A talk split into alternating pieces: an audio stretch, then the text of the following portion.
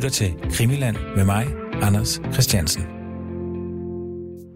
Fick du intrycket att den här gruppen inom Säpo såg Palme som landets fiende? Ja.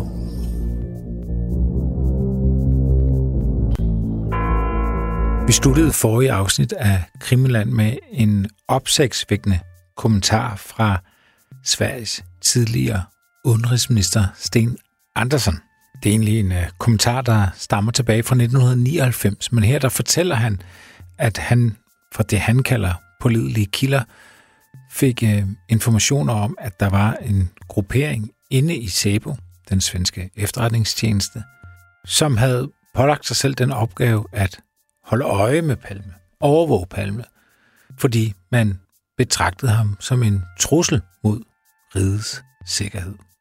Det har fået Anders Aarhus og jeg til at tænke på, om vi ikke skulle kigge lidt nærmere på Palmes nærmeste medarbejdere, altså toppen af det svenske socialdemokrati er nu 1986. Og ikke mindst Ingvar Carlsson, altså manden, som erstattede Palme som statsminister efter Palmes død. Som faste lytter ved, så er Palmesagen jo i fuld vigør, fordi efter efterforskningen nedlagde sig selv, så bliver der ved med at komme dokumenter ud. Der er jo sådan en crowdfunding-gruppe, som jeg selv er en del af, som øh, søger agtindsigt i øh, Palme efterforskningens arbejde, og drøbvis så kommer der altså nye, spændende dokumenter ud til offentligheden. Mange af dem er stærkt overstreget. Og for nylig så kom der altså et øh, forhør med Ingvar Carlsson fra så sent som 2018. Det er et dokument, som hverken Aarhus eller jeg, eller Christian Kjerkmoff, som jo er det tredje ben i vores lille palmetrio, havde set før. Og det er absolut ikke et uinteressant forhør. Det blev total förvirring. här. Är det verkligen Olof Palme som är skjuten? Ja, det är det. Och han är död? Eller Ja, han är inte dödförklarad, men han är inte dödförklarad men det kan man väl nästan säga. okej. Statsminister Olof Palme är död. Han mördades mitt i centrala Stockholm Det er jo, det er jo strax efter fem, 11 der er i buketten af dem, der er kommet forhør med, og som så også stemmer rimelig godt med øh, inderkredsen øh, omkring Olof Palme. En af dem, det er øh, Hans Dahlgren, født, 8, født i 1948, og interessant nok faktisk øh, stadigvæk politisk aktiv. Er EU-minister i den siddende regering, hvor Stefan Löfven er statsminister. Og jeg er øh, helt sikkert den sidste øh, af den generation af svenske socialdemokrater, der har rødder helt tilbage til Olof Palmes tid. Dahlgren, Dahlgren bliver rådgiver i, øh, i 70'erne, og er sådan øh, i begyndelsen øh, pressesekretær, men bliver sådan senere international udenrigspolitisk rådgiver. Først for Palme, senere for Carlson. Og så er øh, Kjell Olof repræsenteret. Jeg tror, vi har nævnt hans navn før. Født 31 og lever endnu. En ældre herre bliver 90 i år. Og var finansminister i 80'erne. Og dengang, mens Palme levede, stod det ikke sådan helt klart, hvem der egentlig formelt set var nummer to i det svenske socialdemokrati. Og Felt var, var, var nok sådan den mest eksponerede, den for, for hvem i mange i offentligheden egentlig fremstod som den mest oplagte nummer to. Øh, en, en interessant skikkelse, og vi skal måske lige få et sådan lidt interessant PS, vi måske kan folde ud ved en anden lejlighed om mordet på Olof Palme, ud om Kjell Olof Felt. Felt gjorde sig øh, en del bemærket i midten af 90'erne, da han skrev en øh, avisartikel, som han havde skrevet på baggrund af, at han havde læst de to brødre, vi også har nævnt nogle gange, brødrene Putianen, den her bog En util labyrinten, som kortlægger politiets øh, indsats de første 12 timer og hele opklaringsarbejdet meget, meget grundigt. Der skrev Felt sådan en, øh, en, en artikel, der, vandt en hel, der vagt en hel del opsigt. Han skrev blandt andet, at efter han havde læst bogen, så blev han tvunget til at overveje om øh, etaterne, altså i praksis politiet, om deres loyalitet imod myndighederne, valgte myndigheder, var så solid, som han hidtil havde troet, at den var. Skal vi tage en lille anekdote ekstra om den? det synes jeg. Godt, den har jeg almindelig fået fortalt af Kari Putianen, da jeg var oppe og møde ham i Sverige på et tidspunkt. Og han fortalte, øh, at han blev meget overrasket over, at øh, Kjell Olof Feldt skrev den her artikel om deres bog, fordi den, den, den blev ellers modtaget med det, jeg hermed tillader mig at kalde for en kold skulder. Men Putianes eget bud på, hvorfor at Feldt han havde læst bogen, det var øh, fordi, da den udkom, så havde der været en, øh, en, en, en kort avisartikel op i en af de store svenske aviser i bogtillægget. Og på samme, på samme side i det her bogtillæg her, der var der en øh, omtale af en bog af en af Kjell Olof Feldts familiemedlemmer. Mm-hmm. Jeg mener, det var en digtsamling. Det må man ikke hænge mig helt op på, men det mener jeg, det var, som en af Kjell Olof Felds familiemedlemmer havde, havde skrevet. Så, så Kari Putianens bud på, hvorfor Kjell Olof Feldt af egen drift havde læst den her bog her, det var fordi, at han havde i virkeligheden slået op på en avisartikel for at læse om for, læse anmeldelsen af familie, øh, familiemedlemmens øh, bog, og så havde han set, gud, der var der sørme der en interessant øh, artikel om et emne, der ellers interesserede ham. Den bog måtte han hellere læse. Det, Kai Putin er, en, er, er, er, en, en meget hyggelig og meget begavet mand, så, så det var meget sjovt at høre ham fortælle den her historie her. Det kan sagtens tænkes, at han har ret. Så er der ham, Sten Andersson, vi talte om i øh, det sidste afsnit. Mm. Levede fra 1923, han døde i 2006, og var blevet, blev så socialminister, da øh, Palme vandt vandet i 82, så var det en periode, der havde været så, var udenrigsminister fra 1985 til 91. Og så er der Tage J. Pettersson. J, det er det her lidt sjovt på svensk. G. Tage G. Pettersson kan vi også kalde ham født i 33, også en af de store veteraner, som faktisk lever endnu, var industriminister i 80'erne på det tidspunkt, hvor Palme bliver myrdet. Og så den sidste, det er jo så Ingvar Carlsson, ja. født, født 34, lever også endnu, som jo også øh, var, var jævnaldrende med Palme og havde gået den her lange vej op igennem øh, den socialdemokratiske koncern, kalder jeg den her med var som meget ung, fuldt ikke helt, men næsten i fodsporene på Olof Palme, som Tage Erlanders unge rådgiver og var, var på det tidspunkt i 80'erne, hvor Palme blev myrdet, var han miljø- og visestatsminister. Så det var egentlig ham, der var statsministerens stedfortræder. Men, men fordi man er det sådan nominelt, så betyder det ikke nødvendigvis, at man var nummer to i arvefølgen til statsministeriet. Mm. Og hvordan endte han egentlig med det, Anders? Var det bare, fordi han var visestatsminister alligevel, at det blev ham, eller var der en intern beslutning eller noget? Ved vi noget om det? Ja, det ved vi faktisk noget om, fordi øh, beretningen er sådan, at øh, der er møde i øh, det administrative udvalg, bestyrelsen, hovedbestyrelsen i øh, Socialdemokratiet. Enten dagen efter, eller to dage efter Palme er blevet myrdet. Altså, der sker det i Sverige lovformeligt, at når statsministeren dør, så træder hele regeringen tilbage. Og så skulle man finde, i første omgang, konstituere en statsminister. Og det var jo så Socialdemokratiet, der havde regeringsmagten. Så det var Socialdemokratiets, jeg kalder den her med hovedbestyrelse, der skulle træffe beslutning om det. Og der siges det, at, øh, hvad hedder han, Stig Malm, han var for, formand for det svenske LO, altså den kæmpe store fagforening, som var repræsenteret i den her hovedbestyrelse her. Han skal have peget på Ingvar Carlsson og sagt, du må tage over. Så mm. gik Ingvar Carlsson og Kjell Feldt i en rum sammen. Og der er de begge sådan nogenlunde over, altså enige om, at Ingvar Carlsson skal have sagt til Kjell Feldt, at hvis han havde nogen ambition om at blive statsminister, så skulle han meddele sig nu, og så skulle de tale om, hvad der skulle gøres. Mm. Og så sagde Kjell Feldt, at det havde han ikke. Han anså Ingvar Carlsson for at være den oplagte aftager. Men Anders, skal vi kaste øh, blikket på nogle af de afhøringer, jeg ved, fordi jeg er lidt i tvivl om, hvad var dit kendskab til øhm, deres kontakt med Palme-gruppen? Det, det, det er noget helt nyt. Ja. Altså, det, det er noget af det, der er, er kommet ud af, at efterforskningen er blevet, øh, er blevet nedlagt. Man, man, man vidste, at de her afhøringer her, samtaler her, interview, har været afholdt før det står i beskrivelsen af, hvordan og hvorledes man, man øh, undersøgte Palmes inderkreds i Grænsningskommissionen for eksempel. Ja. Men det er nyt, at vi har materiale så direkte, selvom der jo er jo de her forbistrede overstregninger i det. det. Og det må vi sige, som alle andre dokumenter, der kommer ud, så er de ikke nære med overstregningerne.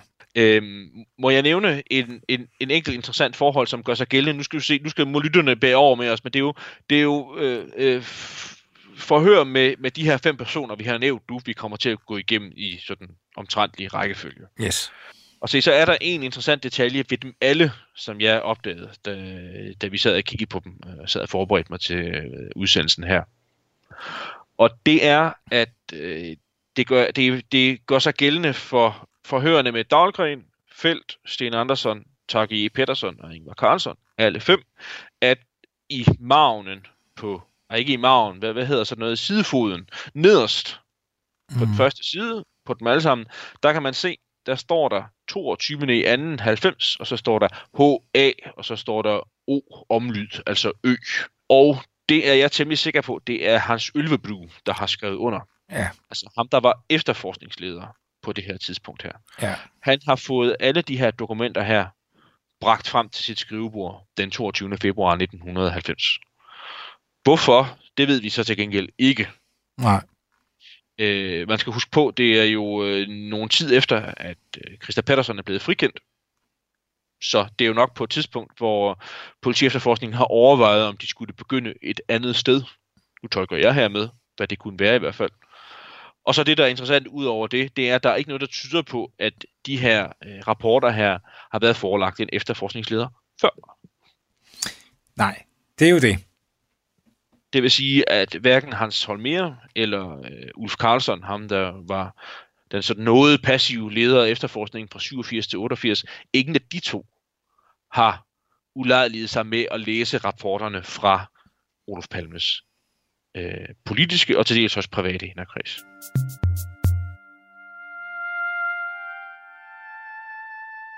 Øh, spørgsmålet om vi skulle begynde med, med, med Hans Dahlgren Yes. som jo som nævnt var øh, Palmes udenrigspolitiske rådgiver.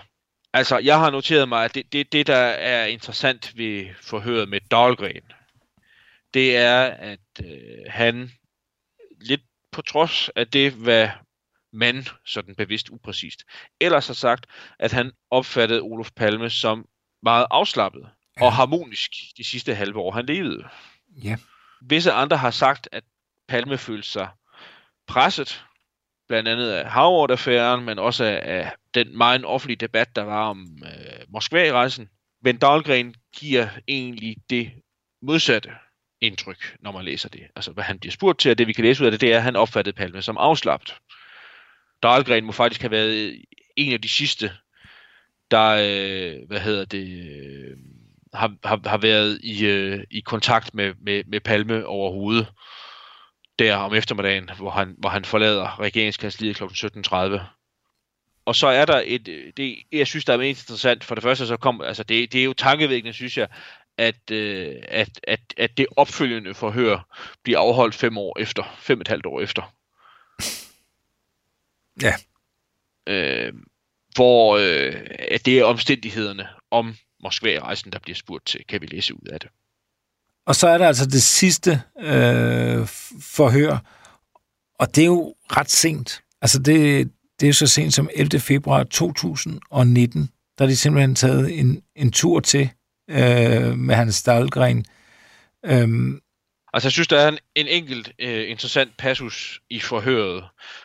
I de steder, hvor der er mange steder, hvor jeg godt kunne tænke mig at se, hvad der står bag overstregningerne. mm-hmm. Men vi skal prøve at sådan illustrere for lytterne, hvad der står. For der står forhørsleder Blombergsson, og så står der informer.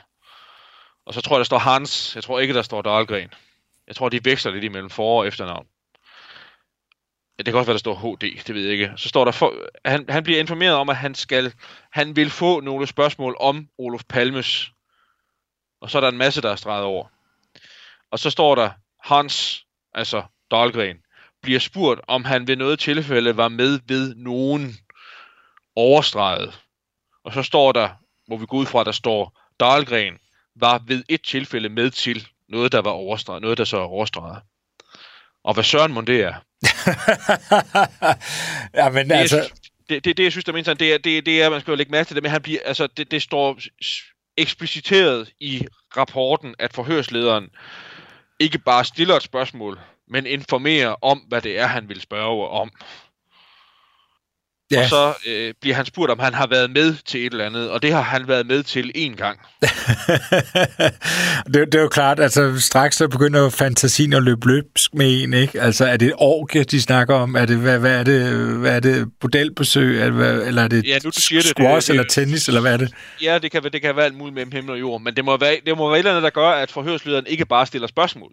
Ja man siger, lige om lidt stiller jeg et spørgsmål om noget. Altså, det er sådan noget, man skal forestille sig. Han, han har mås- måske synes, det var lidt generende, at der var nogen, der kom og afhørte ham om en 33 år gammel sag. Så han har jo nok kigget på sit ur og sagt, I kan få en time. Og så kan man forestille sig, har Hans Dahlgren sidder der i, i sin kontorstol og tålmodigt svare på de forskellige spørgsmål. Og så, hvis man, vi gætter jo bare, hvis vi så måske når til et af de der, hvor hvor forhørslederen også har siddet og tænkt, det, hvis vi skal spørge om det her, så skal vi lige, øh, vi skal, det skal vi lige nærme os med takt, det her emne her. Så det, det er sådan noget, jeg gælder på. Ja, en eller anden skøn dag, så kan vi måske få lov at læse det her uden alle de her forbistrede overstregninger.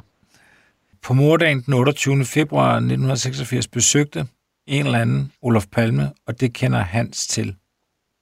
Ja. Jeg ved selvfølgelig ikke, hvem det er, og hvorfor at efterforskerne er interesseret i, hvem det er, der besøger Olof Palme. Altså, man er ved at blive et op af nysgerrighed, når man læser sådan noget her. Det må man sige. Skal vi gå videre til Kjell Feldt? Ja, det bliver vi nok nødt til. Hans Dahlgren bliver vi ikke klogere på lige nu. I hvert fald ikke forhørende med ham. Nej, vi kan se, vi kan se ud af dem, at, at Feldt er forhørt den 7. april 86, og så er der et opfølgende forhør den 3. april 87 det, jeg øh, synes, der er mest interessant, øh, det, det er jo dog, at, at, at Felt kan fortælle der i april 86, så, så øh, mener han ikke, at, at Palme har, har, har følt sig truet, eller at der, der skete et eller andet specielt i, i dagene op til mordet, som han sådan umiddelbart kunne associere med mordet. Mm.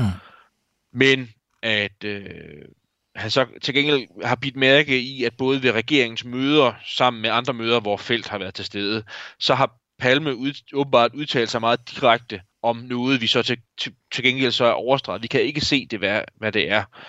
Men det er noget, der har, har fanget fælles opmærksomhed. Og, og jeg har et enkelt bud, fordi på et tidspunkt, så står der blandt andet Hade, og så er der et navn, der er overstreget. Og jeg tror, det er Felt, står der.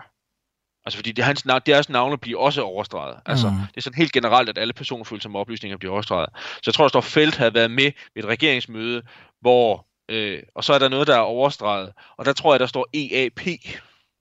I nogle tilfælde, så kan vi gætte os til, hvor mange anstag, hvor mange bogstaver, der er blandt overstregningen. Det kunne det sagtens være. EAP, Europæisk Arbejderparti.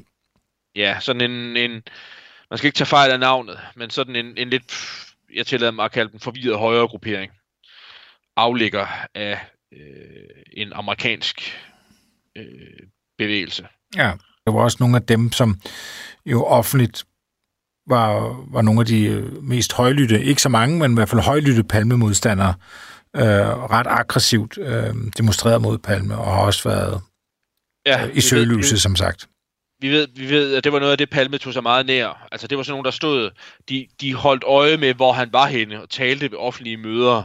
Altså, hvis han for eksempel skulle tale i, øh, at sige sådan, et stort offentligt møde i lokaler i Stockholm, så stod de og demonstrerede udenfor, og havde så en uvane med at tage nogle meget aggressive plakater med. Der var også nogle af dem, der, øh, der havde sådan noget, nærmest sådan en palmemaske udklædning, altså sådan Palme havde sådan lidt en, hvad hedder sådan en, en ørne- eller høgenæse. havde sådan nogle, en, en stor næse af gummi, og han havde sådan nogle lidt karakteristiske sådan nogle store øh, ører, så sådan en palme, grov palmekarikatur. Ja. Optrådte provokerende. Det var ja. havde de selvfølgelig lov til at gøre, altså, men, øh, men det virkede stødende. Ja. på Palme, men også på mange andre. Ja, og det er klart, når Palme så lige pludselig bliver fundet øh, skudt og dræbt, og man så skal pege på, hvem kunne have gjort det, så er det jo ikke helt mærkeligt, man tænker, man kunne det have været de her. De havde i hvert fald øh, udvist et, et, et, en foragt over for Palme. Ja. Øh, men der er ikke noget... Øh, det er Alf Enerstrøm og nogle, nogle af de her, og der er jo ikke rigtig kommet noget af den vej, som, som man har kunne gå videre med. Og så jeg, jeg faldt over en interessant ting i det her forhør fra den 3. april 87, som, som jeg aldrig havde hørt om før. Og det, det er ikke sådan et udskrevet forhør. Altså, det er et resume. Mm. Og så står der i, i forhøret, så står der, angående den ændring i øh, kriminalforsorgskundgørelsen, sådan frit tolket, altså den lovgivning, der regulerer kriminalforsorg, som blev drøftet af regeringen den 27. februar 86, altså det vil sige dagen før Palme blev myrdet, så oplyser Kjell Olof Feldt et eller andet, vi ikke kan læse. Og så står der, jeg er simpelthen sikker på, at der står Palme under overstregningen. Så står der, Palme var i den henseende klart presset af, og det hedder så på svensk Kriminalvårdsstyrelsen, altså direktoratet for Kriminalforsorgen, tror jeg, det hed med sådan en gammeldags dansk byråkratisk udtryk, og fængselsledelsen, altså et bestemt fængsel. Og de to anså, at man måtte skabe muligheder for at, og så et eller andet overstreget. Og det, synes, det, det har jeg aldrig hørt om før. Altså et eller andet, der bliver drøftet i den svenske regering, altså da den svenske regering mødes dagen før Palme bliver myrdet. Hvor selv Olof Feldt bemærker, at øh, Palme, altså for det første er der en, øh, en, en, en diskussion, og så bemærker Feldt, at Palme virkede presset af, og, og sådan som jeg tolker det, så er det dels en, en form for konflikt imellem myndigheder om en specifik sag, som må have været så vigtig, så den er blevet drøftet i den svenske regering. Altså det vil sige, det er ikke en eller anden, øh, hvad skal vi nu sige, en eller anden øh, kleptoman fra en svensk provinsby, man ikke aner, hvor man skal gøre af, fordi det er jo selvfølgelig ikke den svenske regering, der angår det. Kan vi udlægge, eller jeg spørger dig, Anders, kan du udlægge det så klart som overhovedet muligt? Hvad, hvad, hvad gætter du på, der, der, der, der i færre her? Altså, jeg, jeg, har, jeg, har, jeg har kun nogle bud, øh, og de er lige så gratis som alt muligt andet. Altså, der, var, der, der, der kan have været sådan nogle prominente fanger i svenske fængsler, der kan have været så vigtige, så det har været et anlæggende for den svenske regering. Altså, der er Miro Baresic, som var, øh, hvad skal vi kalde ham, sådan en lynhurtig præsentation, sådan en kroatisk jugoslavisk terrorist, mm. som sad i fængsel i Sverige. Når du siger øh, Kroatien, jugoslaviske, så kan man jo, skal man jo hele tiden huske på, at øh, da Lisbeth Palme bliver spurgt, hvem hun tror kunne stå bag, så nævner hun de her, den her kroatiske øh, Ustasja. Ustasja, som er jo en eller anden kroatisk øh, frihedsterrorbevægelse. Øh, Ja, jeg, jeg, jeg, altså det, det, det er ikke, ikke for at falde over dig, men jeg har altid ment, at man skal passe, passe meget på med, med, med det. Altså fordi vi ved, vi ved fra, fra den mand, hun sagde det til på sygehuset, at der var rent faktisk var tvivl om, om hun sagde Ustasja eller Mustafa. Nå ja, det er rigtigt. Det har han selv, det har han selv sagt. Det er rigtigt. Det er øh, rigtigt. Så, men, men, men det kunne sagtens, sagtens være Ustasja, altså fordi øh, der havde været de her problemer med sådan noget jugoslavisk, jeg kalder det her med for aflægger terrorisme, som havde jo altså også påvirket Sverige i 70'erne. Ja. Og ham her, Baresic, man kan selv læse om ham, han var en skidt, skidtkæl, som sad i, i, øh, i svensk fængsel mange år, også i 1986. Og skal vi gå videre til Sten Andersson? Sten Andersson, ja. Ja, det er jo et, et kort øh, interview, og der kan du sige, Sten Andersen, det var ham, vi sluttede af med i forrige afsnit. Sten Andersen øh, har været udenrigsminister, og så har han jo øh, som vi sluttede forrige afsnit, så er det jo ham, der til Lars Bornes fortæller, at han har oplysninger om, at man inde i SEPO havde en gruppering, som havde valgt at overvåge Palme, fordi man ikke stolede på ham, og fordi man troede, han, at Palme altså var en trussel mod rigets øh, sikkerhed. Og der er et enkelt forhør med ham, som vi har fået ud, og det ligger, det er fra 1986, altså det der så selvfølgelig er interessant, det er, at, at der er ikke, øh, der er ikke et, øh, et opfølgende forhør. Ikke et, vi har adgang til i hvert fald. Øh, vi kan se, at øh, der er et mere, men at det er hemmelighedsstemplet. Ja, fordi det er jo, det er jo rigtigt. Øh, det vi nævnte før med, med hans kontakt ind til Sabo, det siger han jo i svensk fjernsyn i 1999. Og derfor vil man jo også tro, at udover det her øh, forhør i 86, at der så vil jo være nogle flere, hvor, de havde, hvor at Palme efterforskning har sagt, det du sagde i fjernsynet, kan du ikke lige komme ind og gentage det over for os. Øhm, det vil vi godt vide noget mere om. Øhm, men det er rigtigt. Altså, det, det, der, det lader til, øh, så må vi jo tolke det, at der findes et til. Øh, minimum et til med ham. Men som, som du siger, det, det er simpelthen totalt hemmelighedssemplet. Altså det er ikke nok bare med de her overstregninger. Vi kan slet ikke få det ud. Vi, vi ved i hvert fald, at, at, at, at pol, altså, politiefterforskningen har interesseret sig for det i, i, øh, i anden sammenhæng. Det får vi bekræftet ved et forhør, vi kommer til lidt senere i den her udsendelse her, hvorfor vi ved det. Mm. Men, men ellers så tænker jeg, så er der jo ikke så meget mere at sige til, til det her forhør med Sten Andersson. Nej, ikke andet end, at jeg, ikke andet end jeg må sige igen, altså det er jo lidt vildt, men at vi stadig møder alle de her overstregninger. Og vi stadig møder øh, forhør, som vi ikke kan få ud. Altså, det er immer væk mange år, at man, man holder det hemmeligt. Det må være meget, meget, meget, meget hemmeligt. det må være virkelig hemmeligt. Øh, Ja. For det, det, det, det, er jo, det er jo forunderligt. Øh, et eller andet sted. Altså, jeg forstår godt det der med personfølsomme oplysninger og alt det her, men, men det, det må være virkelig hemmeligt, at man efter alle de her år stadig føler behov for, at, øh, at det må vi overhovedet ikke øh, se noget af. Så synes jeg, vi skal glide videre til Tage J. Pettersson. Jo, Johor, som øh, jo på det her tidspunkt her, øh, som nævnt i indledningen, var industriminister.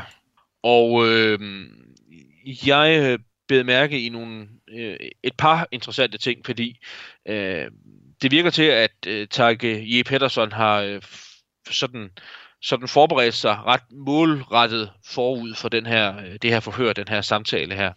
Fordi han, øh, han, øh, kan, han, han siger helt tydeligt, at han kan der, der er to begivenheder i den tid, der er gået forud for mordet, som han kan forestille sig, kan have nogen som helst forbindelse til mordet. Men vi kan desværre ikke øh, udlæse, hvad eller hvem det er. Man har diskuteret noget i regeringen angående, og så er der en lang overstregning. Og jeg gætter på, at det er en person. Det må det næsten være. Altså hvis det har været et eller andet politisk emne, som ikke påvirkede nogen, så burde det have stået der. ja. Og så står der, at Olof Palme har været meget stærkt imod noget som helst, og så overstregning igen. Og så står der, at regeringen har drøftet dette spørgsmål under efter, altså i efteråret 1985. Og så den, den, den, den anden begivenhed, det er noget, som er sket ved jul, altså julen 1985. Og så er der en forfærdelig masse overstregninger. Det må igen være noget, der sådan er meget, meget personfixeret. Ja. Altså, det er påfaldende så meget, man har diskuteret personspørgsmål i den svenske regering. ja. Der, der er ni, ni linjer, der er helt overstreget, øh, stort set. Ja. Men det er jo så interessant, at, at, at, at Tage E. Pettersson kan have øh, umiddelbart, kan, eller ikke umiddelbart, men han efter at have tænkt sig om, så kan han, så kan han forbinde mordet. Der er to muligheder for noget, han kan forbinde mordet med. Og så, så er der en anden interessant øh, bemærkning i, øh, i samtalen, i forhøret. Øh, og det er, det og til, så skal man også lægge lidt mærke til, hvad, hvad hedder det, øh, hvad, hvad, hvad dem, der har læst dokumenterne før, fordi det er simpelthen understreget. Altså, de, de, de taler, kan vi læse ud af sammenhængen, om Olof Palmes rolle sådan i, øh, i, i ja, jeg har snart sagt global politik. Mm. Palme havde en meget stærk øh, udenrigspolitisk profil. Og så, så har Tage J. Pettersson sagt, at øh, den svenske formulering er, at Olof Palme havde FN general, FN's generalsekretærs ører. Altså så, oversat til dansk, altså han, han havde let ved at få ørenlyd og kontakt med FN's generalsekretær. Ja. Det skal siges på det her tidspunkt her, at øh, Javier Perez de Cuellar, en, hvad var han? Han var, det er taget direkte fra paratviden, han var peruviansk forhåndværende politiker, så vidt jeg husker. Wow. Den Du, er du ved at google? ja, det er det, jeg bliver nødt til lige at, at dobbelttjekke den. Uh, det er vildt, hvis det er rigtigt også. Uh, Jeg, er- jeg er en værre en, hvad sådan noget angår. Revé Perez de Cuellar, han er uh, FN's generalsekretær fra 82 til 91, og han kommer fra Peru. Det var sørme rigtigt. Men altså, han er en meget magtfuld person i international politik, ha- havde, øh, havde Olof Palme nemt ved at komme i kontakt med. Mm. Og, og det, man må forstå af sammenhængen, det er, at, øh, at, at det, det, det mener Tage. Petersen er noget, der kan betyde noget.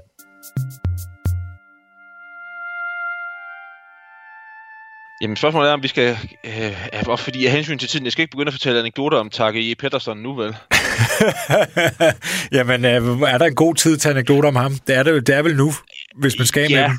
Det, det er der. Altså det, det, der er interessant i, i forbindelse med ham, det er, at øh, i den periode fra 1991 til 94, hvor øh, Socialdemokratiet jo er i opposition, der er det sådan, at nogle af de centrale poster i den svenske rigsdag, det er jo så socialdemokrater, der har dem. Og i Sverige har man det, der hedder konstitutionsudskottet, forfatningsudvalget, der blandt andet sådan har til opgave at overvåge ministernes ageren, og også de myndigheder, ministerne øh, bestemmer på vegne af. Mm. Og der var J. Pettersson noget af det, han faktisk øh, satte sig i spidsen for. Det var det, der førte til, at Grænsningskommissionen blev nedsat i det hele taget i 94. Altså, det var jo på initiativ af konstitutionsudskottet i rigsdagen, Mm. at den her grænsningskommission, den i det hele taget blev nedsat. Og der er det min vurdering, lidt apropos den vurdering af Sten Andersson, altså det med, at der var den her, hos nogle af Palmes medarbejdere, var der den her indignation over, at mordet ikke var blevet opklaret, og der havde været alle de her skandaler i forhold til efterforskningens arbejde, politi efterforskningens arbejde. Og der er der ikke nogen tvivl om, at Tage E. Pedersen også var drevet af den her indignation. Ja. Ja. Øhm. Det, er, det er rigtigt, men det, det, det er sjovt, at man, når man tænker på, hvor, hvor ofte det er socialdemokrater, der sidder ved magten i, øh, i Sverige, at det så er, når de ikke gør, at de, de, de rigtig vil til bunds i det, ikke? Jo, altså der er en del, der har hæftet sig ved det forhold, at det, altså, det, det, det, det, altså, det var kun da Socialdemokraterne kom i opposition, at de kunne gennemføre det her krav om at nedsætte den her kommission her. Mm.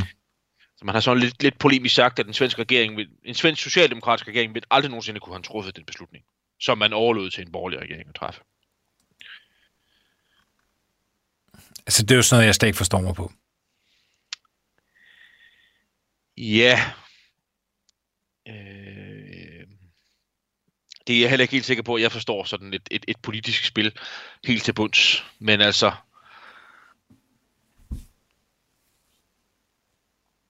Ja, det tror jeg ikke, vi har tvivl tid til at komme jeg tror måske også, vi har vendt det før, faktisk.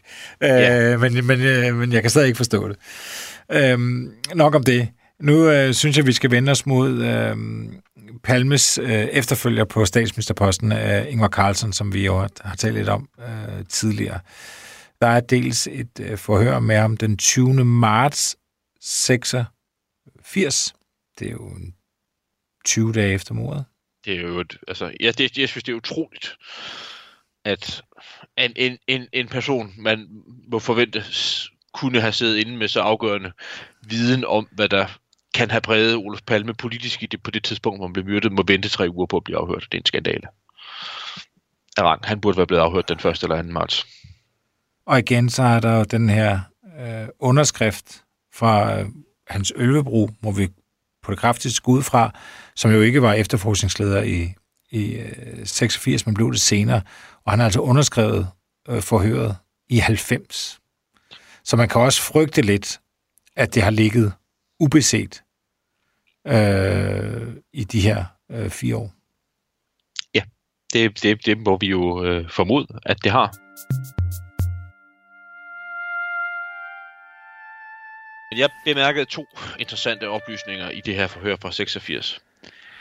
Der er, er et direkte citat, hvor Ingvar Carlsson siger, at Olof Palme skal have udtalt, at en eller anden, der det så desværre ikke er identificeret, enten person eller en organisation, var nogle, man kunne vente sig hvad som helst fra. Det er et af de det er 10 linjer inde i dokumentet. Olof Palme havde ved et tilfælde sagt, at ja. noget overstreget, og så hvor her, herfra kunne man vente sig hvad som helst. Og det er jo interessant. Altså, der må være et eller andet, Olof Palme er bekymret over, eller nervøs for. Det er rigtigt. Og der igen, så må vi sidde og tælle bogstaver. Det er langt. Skal vi tage nogle friske bud? De koster jo ikke noget. Det synes jeg da jeg kunne godt forestille mig, at der står Miro Baresic bag den der overstregning der. Ham den kroatiske terrorist, vi har talt om før. Rote Armee fraktion kan det også være, der står. Dem havde han jo også kendskab til fra 70'erne. Ja. Spørgsmålet om det er ved at blive for langt. Ja. Øhm, der kommer jo, apropos det, jeg lige nævnte før med Lisbeth Palme, passagen, øh, ikke næste afsnit, men næste afsnit igen, hvor starter med overstrædet, sagde også, at årsagen til, at Lisbeth Palme nævnte, og der tænker jeg, at det er Ustasia, kunne være, at Olof Palme havde talt med hende. Ja, næ, ui, Har, Så- talt, har talt om noget med sin... fru. Ja, så han siger, øh, Ingvar Carlsen siger, at årsagen til, at Lisbeth Palme har nævnt Ustasia, er jo fordi, at Palme muligvis havde talt om Baresik med sin frue. Mm, det, kan- det, det kan der sagtens stå. Det, det er jo rigtigt. Det, det, det, det, altså, Baresic passer... Det, det, det, kan der sagtens stå bag den der overstregning der. Og det, og det passer jo med, og det passer jo med, med det, vi snakker om i det andet forhør omkring den her øh, ting med kriminalforsorgen og alt det her, de var bekymret for. Nu skal vi lige læse op på ham. Han øh, lever jo ikke, desværre ikke mere. Han er død. Ja, naturligvis. Ja, faldt i den øh, kroatiske befrielseskrig i 91. Men hvorfor er det, de taler om... Hvorfor taler de om ham? Men har han, han har da et alibi, har han ikke det? Jo, han sidder i fængsel. Hvis han en lille anek- anekdote om, om Baresic fængselsophold, dog trods alt. Mm-hmm. Så vi kan takke Hans Holmer for at have videregivet. Ja, de, de her, øh, i forbindelse med Ebbe Carlsson-affæren, hvor Hans Holmer han har indkaldt til de her afhøringer her i konstitutionsudskottet i den svenske rigsdag. Så øh, kan, kan øh, Hans Holmer fortælle, øh, og jeg tror, der ligger sådan en kriminalpolitisk stillingtagen bag det. Altså, Hans Holmer er provokeret. Fordi Hans Holmer kan fortælle, at selvom at Miro Baresic blev opfattet som en farlig terrorist, så fik han, og nu citerer jeg Hans Holmer, fik han, øh, hvad hedder det, øh, udgang fra fængslet for at tage kørekort, og han fik udgang fra fængslet for at deltage i et maratonløb i Stockholm. Og det kan jo sagtens være, at hele bagtæppet for det her, det, det, det kan være de her ledsagede udgange. Der var vist også noget med, at, at Baresic var, øh, altså han var blevet flyttet til svenske fængsler fra, jeg tror det var noget med, at han var flygtet til Paraguay, ikke? Og nu, nu kommer Ja. vi virkelig uden for det, vi har forberedt, ikke? Men det er noget med, at han er blevet flyttet fra Paraguay og bliver udleveret og afsoner i et svensk fængsel fra det sidste i 70'erne, tror jeg. Og der er så sådan et langt, langt tårtrækkeri om, at Baresic vil ikke sidde i fængsel i Sverige. Han, øh, han blev udleveret til Sverige i 1980, og skulle altså sidde i fængsel, da Palme bliver myrdet.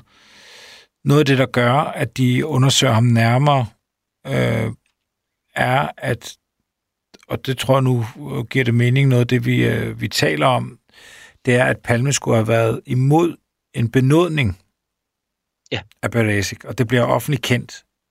Og det kunne jo godt være, at man så har tænkt øh, bagud og tænkt, at det kunne have været altså, motivet for mordet. Simpelthen, at altså, ikke Beresik, men nogen, måske nogle af hans øh, kupaner, som en eller anden form for hævnaktion mod den her øh, ikke-benådning. Mm-hmm. Øh, at det skulle have været et, et, et motiv. Det kunne muligvis være det, det her det handler om. Det tror jeg. Det her, det er så Ingvar Carlsen af nu 1986. Så Ja. er der, og det er altså overraskende for mig, og jeg tror også for, for mange andre, så er der altså også et forhør med Ingvar Carlsen så sent som 2018. Et langt og meget interessant forhør.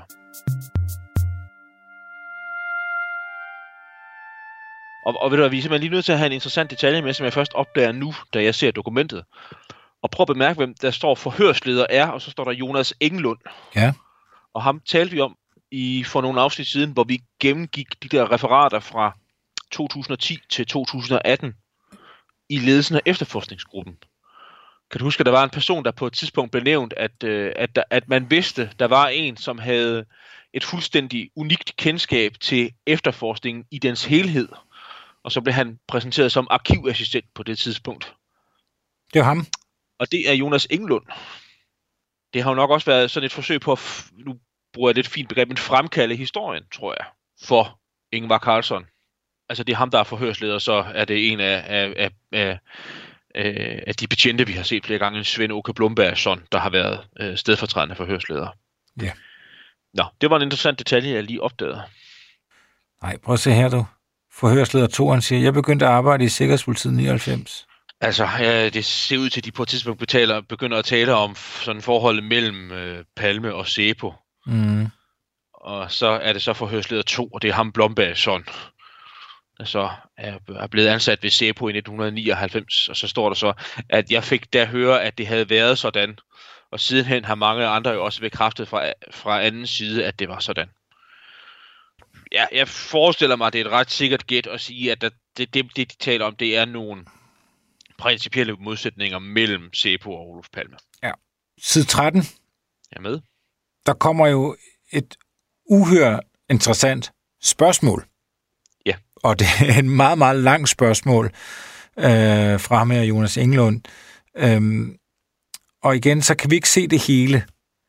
Øh, men det handler om øh, nogle af de her advarsler, der kommer inden mordet. Øh, en af de mest kendte øh, og mest omdiskuterede, det er jo øh, Anders Larsson for Demokratisk Alliance, der afleverer den her mærkelige øh, avismontage nærmest, øh, hvor der står øh, Dr. Palme død, er streget over. Og så er der også ham her, øh, Ivan von Birchen, øh, blandt andet, som også øh, skulle have advaret inden øh, mod. Og det er jo altid, det er jo selvfølgelig interessant, øh, er der nogen, der har vidst noget inden.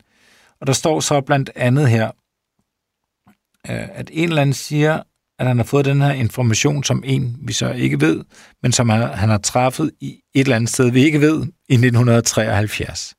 Ham her bliver jo stemplet som mytoman, siger forhørslederen. Men her øh, efterfølgende har man jo kunne se, at mange af de oplysninger, han har givet, øh, stemmer.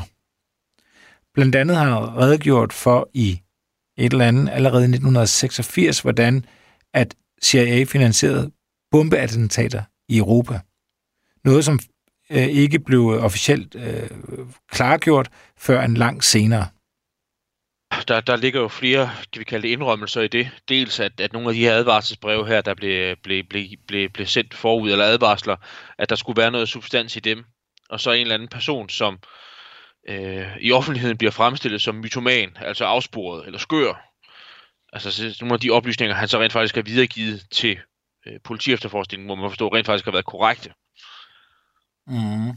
Altså, og det er igen, det, jeg tror, det øh, Jonas Englund forsøger at gøre, det er, at han forsøger at skitsere en personkreds. Vi har kendt, man, man vidste nogle ting om i offentligheden, og så spørger han Ingmar Carlsen, om det er noget, han er bekendt med. Og så synes jeg, vi kan læse ud af det, selvom det også er kraftigt overstreget, Ingmar Carlsen svarer lidt undvigende. Ja. Altså, han ikke har forudsætningerne for at bedømme de oplysninger, der ligger fremme i offentligheden. Han har ikke nogen, han, han siger selv sådan lidt, det har måske er kommet et smil på, på læberne, altså han har ikke nogen politiuddannelse. Så når han er, han er blevet mødt med oplysninger, så har han sagt til folk, eller selv skønnet, jamen det, det er noget, der skal gå videre til polisen, så, polisen, det var en fortalelse, politiet, som, så må de øh, foretage afvejningen. Og det kan jo selvfølgelig være Anders Larsen, de snakker om, at det Anders Larsen har fået nogle oplysninger fra Bo Stål, som har den her øh, øh, boghandel. Øhm, det er det i hvert fald, han har fortalt, at de skulle mødes i 73. En anden, det var I- Ivan, Ivan von Birchen, som de kunne tale om, som jo selv har jo fortalt om hans forhold til CIA og alt det her, og som jo også blev kaldt mytoman. Men der er jo faktisk noget, hvis vi skulle kigge på overstregningens længde, som kunne gøre det lidt svært, at det er ham. Hvad er Ja. dit bud her? Jeg tror, det er øh, øh, Anders Larsson og Bo Stål, der bliver henvist til.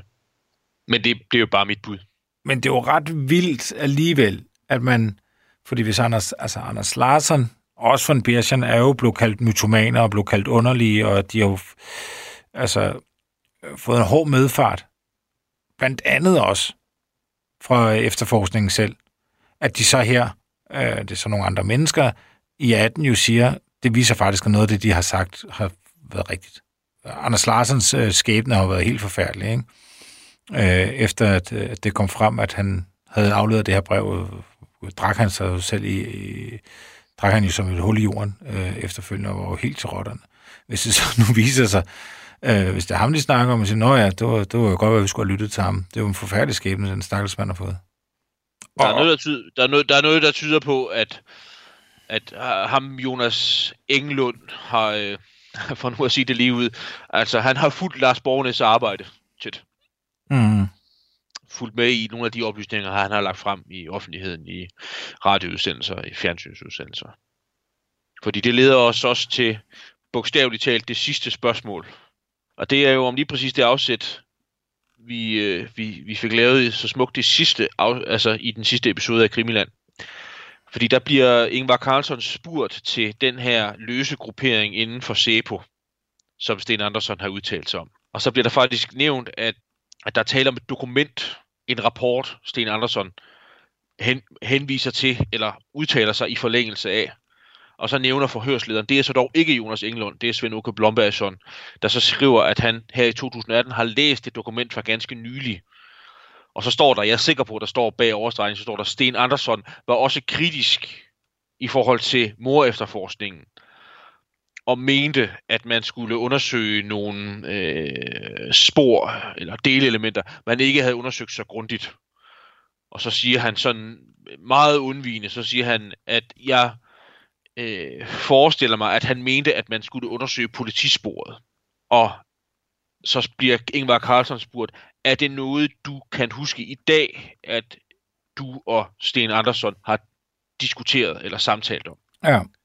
Og så kan vi desværre ikke læse så meget af Ingvar Carlsons svar. Og så kan vi så til gengæld se, at de begynder at tale om, om, om nogle personer.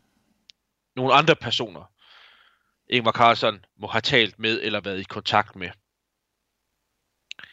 Fordi i et af de opfølgende spørgsmål, så kan vi det lære, desværre ikke læse spørgsmålet, men vi får en interessant ledetråd til en person. Det drejer sig om, fordi så svarer Ingvar Carlsson, han kom vel over arbejdet for erhvervslivet. Mm. Men det skete muligvis som øh, i tjenesten, sådan vil jeg, over, som jeg tolker det, han siger. Ja. Altså den pågældende person kom over og arbejdede for erhvervslivet. Men det kan være, at han gjorde det i tjenesten. Ja. Og se, så er der en person, der er interessant i den her sammenhæng her. Jeg tror, vi nøjes med at kalde ham for PGV Ja. i første omgang. Som har været chef for SEPO Mm-hmm. indtil kort efter Olof Palme blev statsminister. Ja. Og hvor at der i hvert fald er en del, der tyder på, at han måtte fratræde embedet som chef for SEPO, fordi at ham og Olof Palme, de kunne ikke sammen. Nej. Og derefter blev den pågældende person chef for ah, sådan en slags svensk modsvarighed til dansk industri. Og var det i mange år. Og havde også et, øh, en form for sikkerhedsfirma, Ja, øh, hvor han blandt andet ansatte Alf Karlsson, som var øh, en øh, prominent sæbomand. Og øh, jeg er ret sikker på, at Per Hækstrøm, for at gøre det helt øh, fuldendt, ham som er sikkerhedschef i Skandia-huset, at han han faktisk har, også... også, han har også et videoop der, eller hvad, hos PGV. Ja, det har han nemlig. Ja, det er nyt for mig, det var jeg ikke klar over. Per Hækstrøm er jo ham, der er sikkerhedschef, da, da Palme bliver myrdet i, i Skandia-huset. Og, ja. øhm, og han udpeger jo... Øhm, øh, han, han er jo en af dem, der, som er de første, der siger, kig på Stig Engstrøm og lave sin egen efterforskning, sådan inde i Skandia-huset afhøre øh, medarbejdere og aflevere det til, til politiet. Ja, og vi, det, det, for, for, for lige sådan at sammenfatte, så det er jo i hvert fald, vi kan udlæse af de her, øh, det her afsnit af øh, forhøret med Ingvar Carlsson, det er, at man, man, man begynder med at tale om den her øh, løst, løse gruppering i SEPO, som havde sat sig for at, øh, at overvåge Olof Palmes gøren og laden, hvor til kilden er Sten Andersson. Og så er der nogle mellemregninger, vi ikke kender, men vi, der nås rimelig hurtigt fra en samtale om den her gruppering her til den her person PGV, Mm. som kan være interessant i sammenhængen.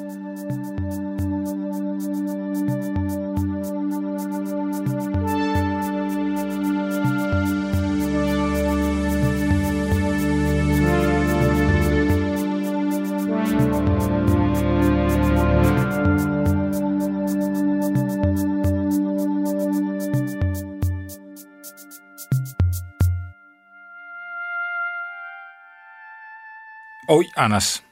Ja. Side 17. Side 17. Jeg er med. Inden at øh, Ingvar Carlsen begynder at snakke om Kennedy og Martin Luther, så siger Jonas Englund jo noget meget interessant. Vi synes, vi ser et mønster af disinformation, som har spredt sig. Vi ser, at Christa Petersen hænges ud som gerningsmand, øh, øh, tilfældet øh, Hans Holmer Ebbe Carlsen, at PKK-sporet bliver heldigt. Mm-hmm. Det er jo også et interessant spørgsmål. Eller Ja, det bemærkning. må man sige. Det er jo et, et, et lidt nærgående spørgsmål til en, som var meget, meget direkte part i alt, alt det her øh, ballade, som Hans Holmer Ebbe Carlson lavede. et mønster, vi synes, vi ser et, et mønster af disinformation. Og det, altså, det, det må man jo læse fra, at den, øh, altså, eller misinformation hedder det på dansk, øh, den misinformation kommer vel, altså, jo ikke ud for folkedybet, så at sige. Den kommer vel indenfra ud. Ja, ganske rigtigt. Det er jo, det er jo derfor, det er, der er sådan lidt et brød i det spørgsmål mod Ingvar Carlsson selv. Og så svarer Ingvar Carlsson, synes jeg, lidt undvigende. Og siger, at, at en sådan politi efterforskning vil næsten altid afstedkomme, og han siger jo ordret mange konspirationsteorier.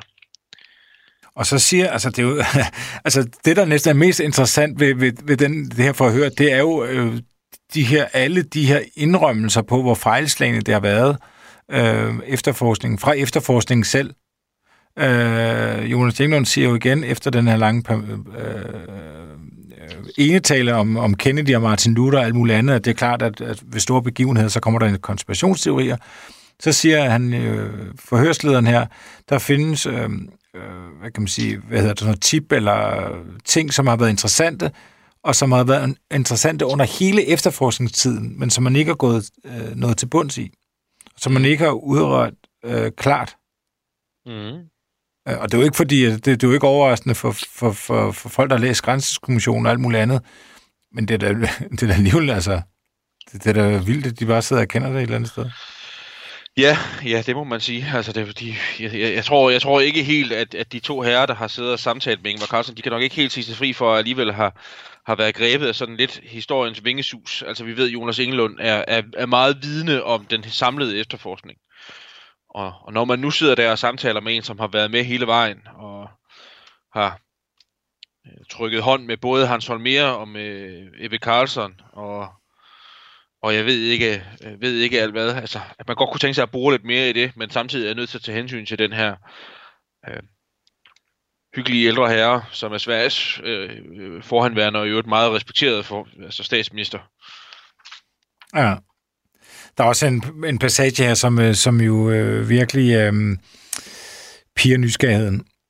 Øh, en forhørsleder 2 siger, hvis man tænker i de baner, at der skulle ligge en politisk motiv øh, bag øh, forbrydelsen, og hvis vi kigger øh, indrigs, øh, kan du i dag se, at der var nogen forskel, altså gjorde nogen forskel, at Palme forsvandt fra indrigspolitikken. Så kan vi ikke se, hvad Ingvar Carlsen svarer. Men... Nej, vi kan, se, vi kan se det meget sigende opfølgende spørgsmål. Men det opfølgende spørgsmål er, hvilket partier tilhørte de? Mm. Og så siger Ingvar Carlsen, det var ikke partier. Udover, og så kan vi ikke se mere. Og så siger Fulsøren, var det folk fra forretningslivet, eller erhvervslivet? Og så siger han, det var ikke, i udgangspunktet var det ikke politikere, og så sort, sort, sort, sort, sort. Ja, altså det knytter jo lidt an til, hvis vi skal tage så den af, afsluttende udtalelse, så øh, har øh, Ulf Adelsson, der var øh, partileder for Moderaterne, altså Sveriges det konservative folkeparti, og sådan Palme Socialdemokratis mest udtalte ideologiske modstandere i 80'erne. Han udtalte i slutningen af 90'erne, i et, i et ret interessant interview, så, så kom han sådan med følgende udtalelse, at han synes, det var det var et, et tankevækkende vidnesbyrd om, hvordan situationen var, havde forandret sig i Sverige, at i 1986, der var det sådan, at, at store dele af øh, den svenske storkapital, det svenske erhvervsliv og så den ledende samfundskredse, brød sig ikke så meget om Olof Palme. Han er svært ved at acceptere, at han var statsminister. 10 år senere, da det var Ingvar Carlsson, der var statsminister, så havde nøjagtigt samme kredse, de var politisk uenige med Ingvar Carlsson, men de havde lettere med at leve med, at det var ham, der var statsminister. 10 år senare kan man säga när Ingvar Carlsson var statsminister så kunde samma personer, fast de inte i alla delar gillade kanske den politik Ingvar Carlssons regering står för, så att man, man kunde leva med Ingvar Carlsson som sen statsminister. Det var en väldigt tydlig skillnad.